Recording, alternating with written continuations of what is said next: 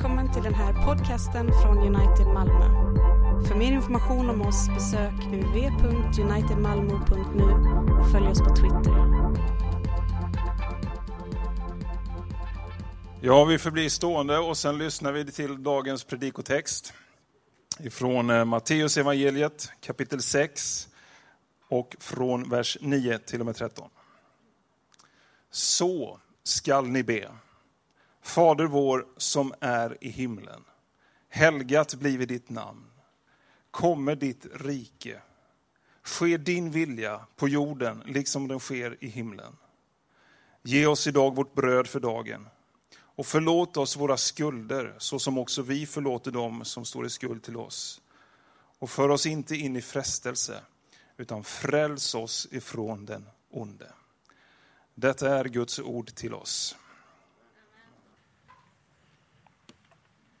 Gott. Finns det någon bättre söndag än 55 minuters bibelstudie om tabernaklets uppbyggnad och de olika träslagen och så vidare i Gamla Testamentet? Det är inte det vi ska prata om idag, det kan vi vara jätteglada för. Utan eh, vi har kommit till andra delen i den här serien om eh, eh, Herrens bön, som vi går igenom nu strof för strof under sommaren.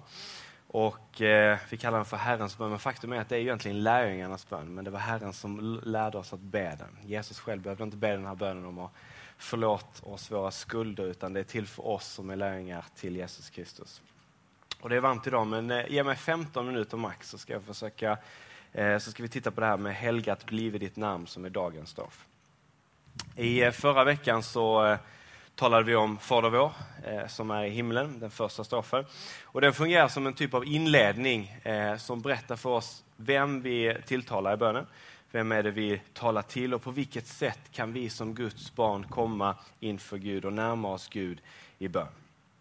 Och vi har med oss från förra veckan att eh, det första ordet Fader, det visar på den intima och den personliga relationen som vi får ha med Gud i himlen genom Jesus Kristus och Fader vår talar om att vi, är en, vi liksom placerar oss mitt i den här familjen av troende som vi är del av genom Kristus. Eh, och Det lär oss också att bönen, även fast hur ensamma vi än är i bönen, så är vi inte ensamma för att vi är en del av... Bönen är någonting gemensamt som vi har med alla kristna över hela jorden.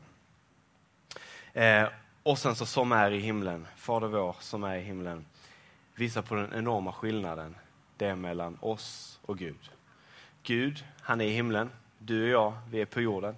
Gud, han har all makt överallt, kan göra precis vad han vill. Ingenting är omöjligt för honom. Och det är den guden som vi får be till. Det kan vara Carola-fläkten som gör att det låter lite extra i min eh, mick. Eh, så vill du snurra den så är du jättesnäll. Tack. Eh, och Snyggt jobbat. Och det är det vi har med oss från förra veckan helt enkelt. Att vi vet att vi ber till, eh, vi har en personlig intim relation med Fadern. Vi ber tillsammans som familj. Det är någonting gemensamt vi gör i, i bönen. Och vi ber till en stor och mäktig Gud i himlen som har makt att göra allting. Och där kan vi finna en trygghet och en tröst. Eh, och det är på det sättet som vi får närma oss bönen inför Gud. Idag har vi kommit till nästa strof. Helgat blive ditt namn, eller låt ditt namn bli helgat som vi säger när vi ber tillsammans, som vi gjorde tidigare i gudstjänsten. Eh, och det är den första av sex stycken böner som Jesus nu lär oss att be. Först har vi inledningen, Fader vår som är i himlen. Och sen så har vi sex stycken böner nu. Helgat blive ditt namn, kom med ditt rike, ske din vilja, ge oss idag vårt bröd och så vidare. Och så vidare. Innan vi avslutar med när vi ber tillsammans en hyllning med ditt är riket, din är makten och äran i evighet. Amen. Och de flesta av oss, eh, speciellt om du har gått på gudstjänst här eh, under en period, så har du förmodligen bett den här bönen massor med gånger. Helgat blive ditt namn.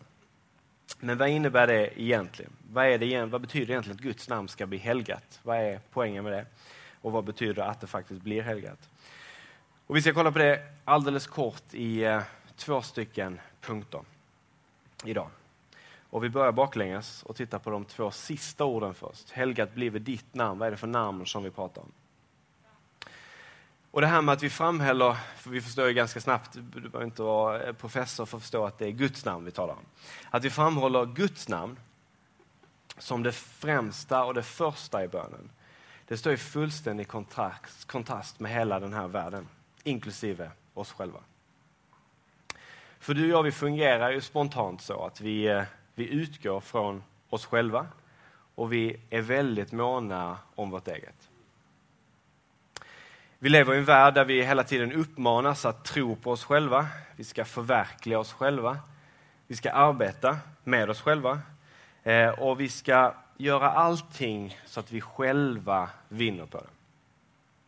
Eh, och vi uppmanas på alla möjliga sätt att vi ska utgå från oss själva och göra det som är bäst för oss.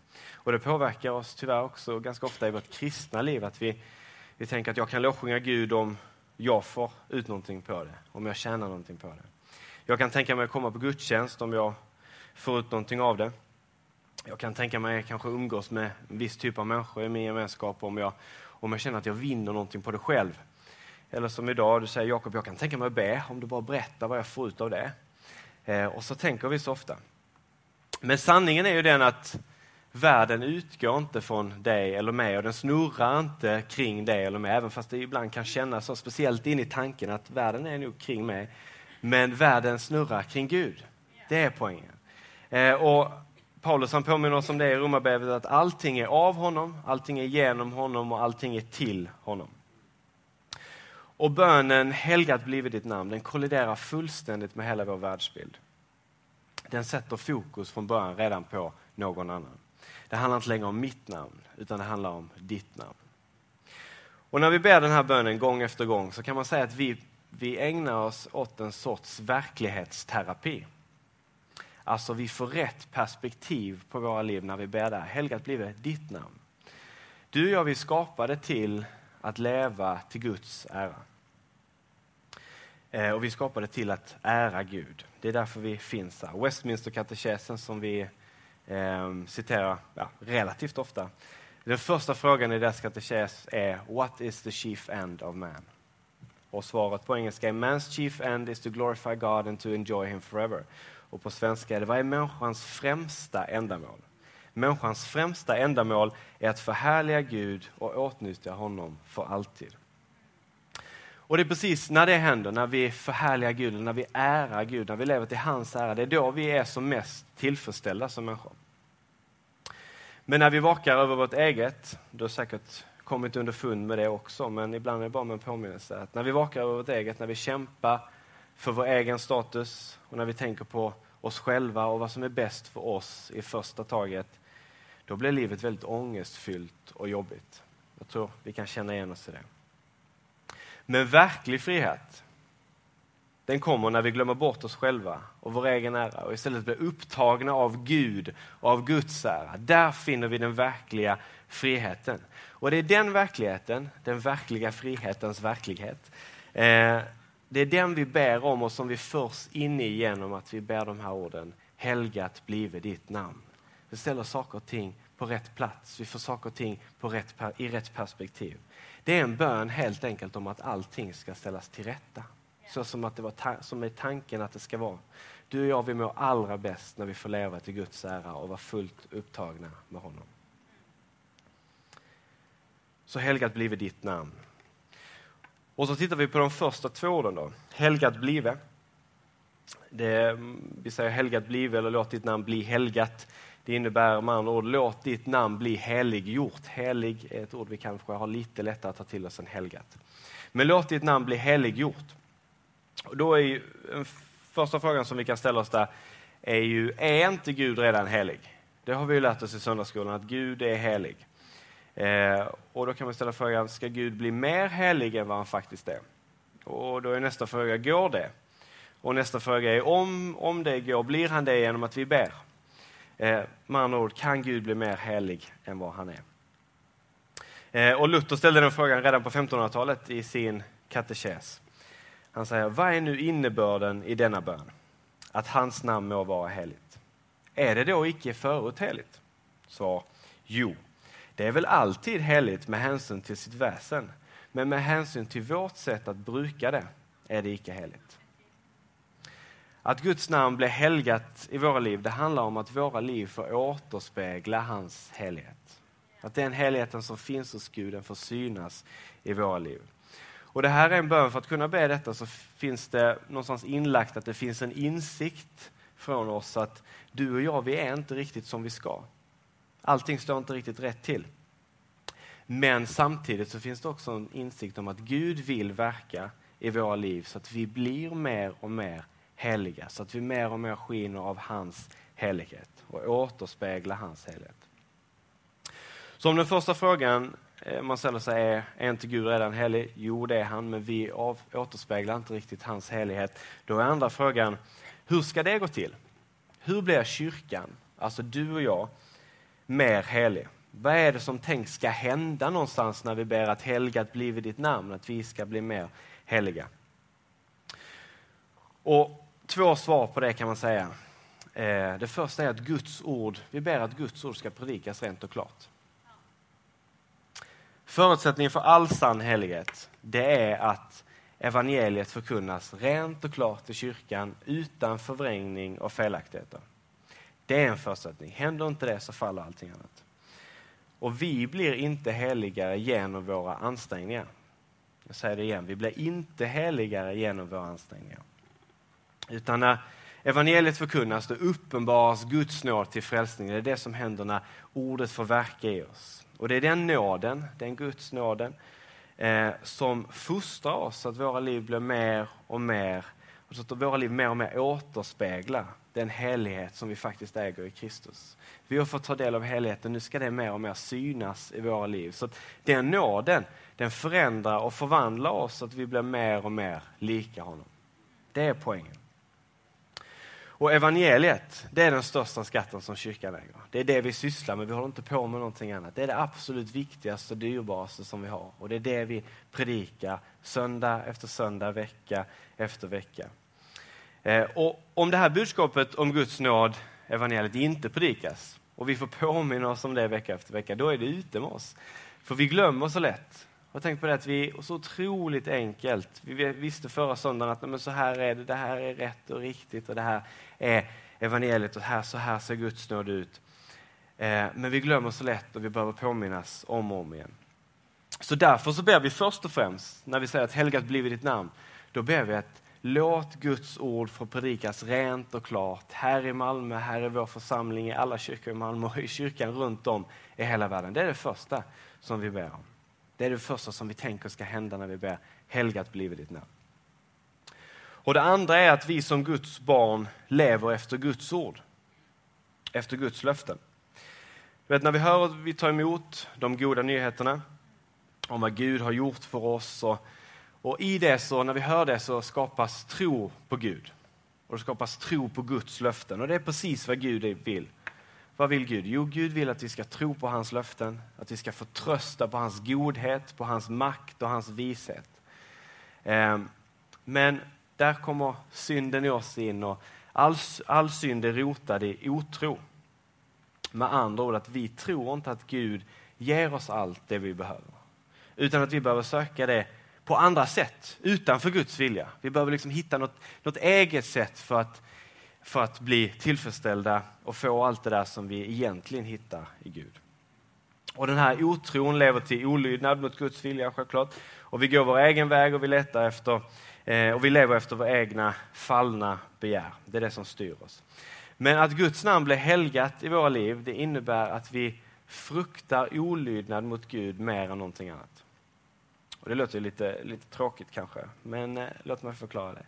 Med andra ord så betyder det att vi blir mer upptagna av vad Gud vill än vad någon annan vill. Till och med vad vi själva vill.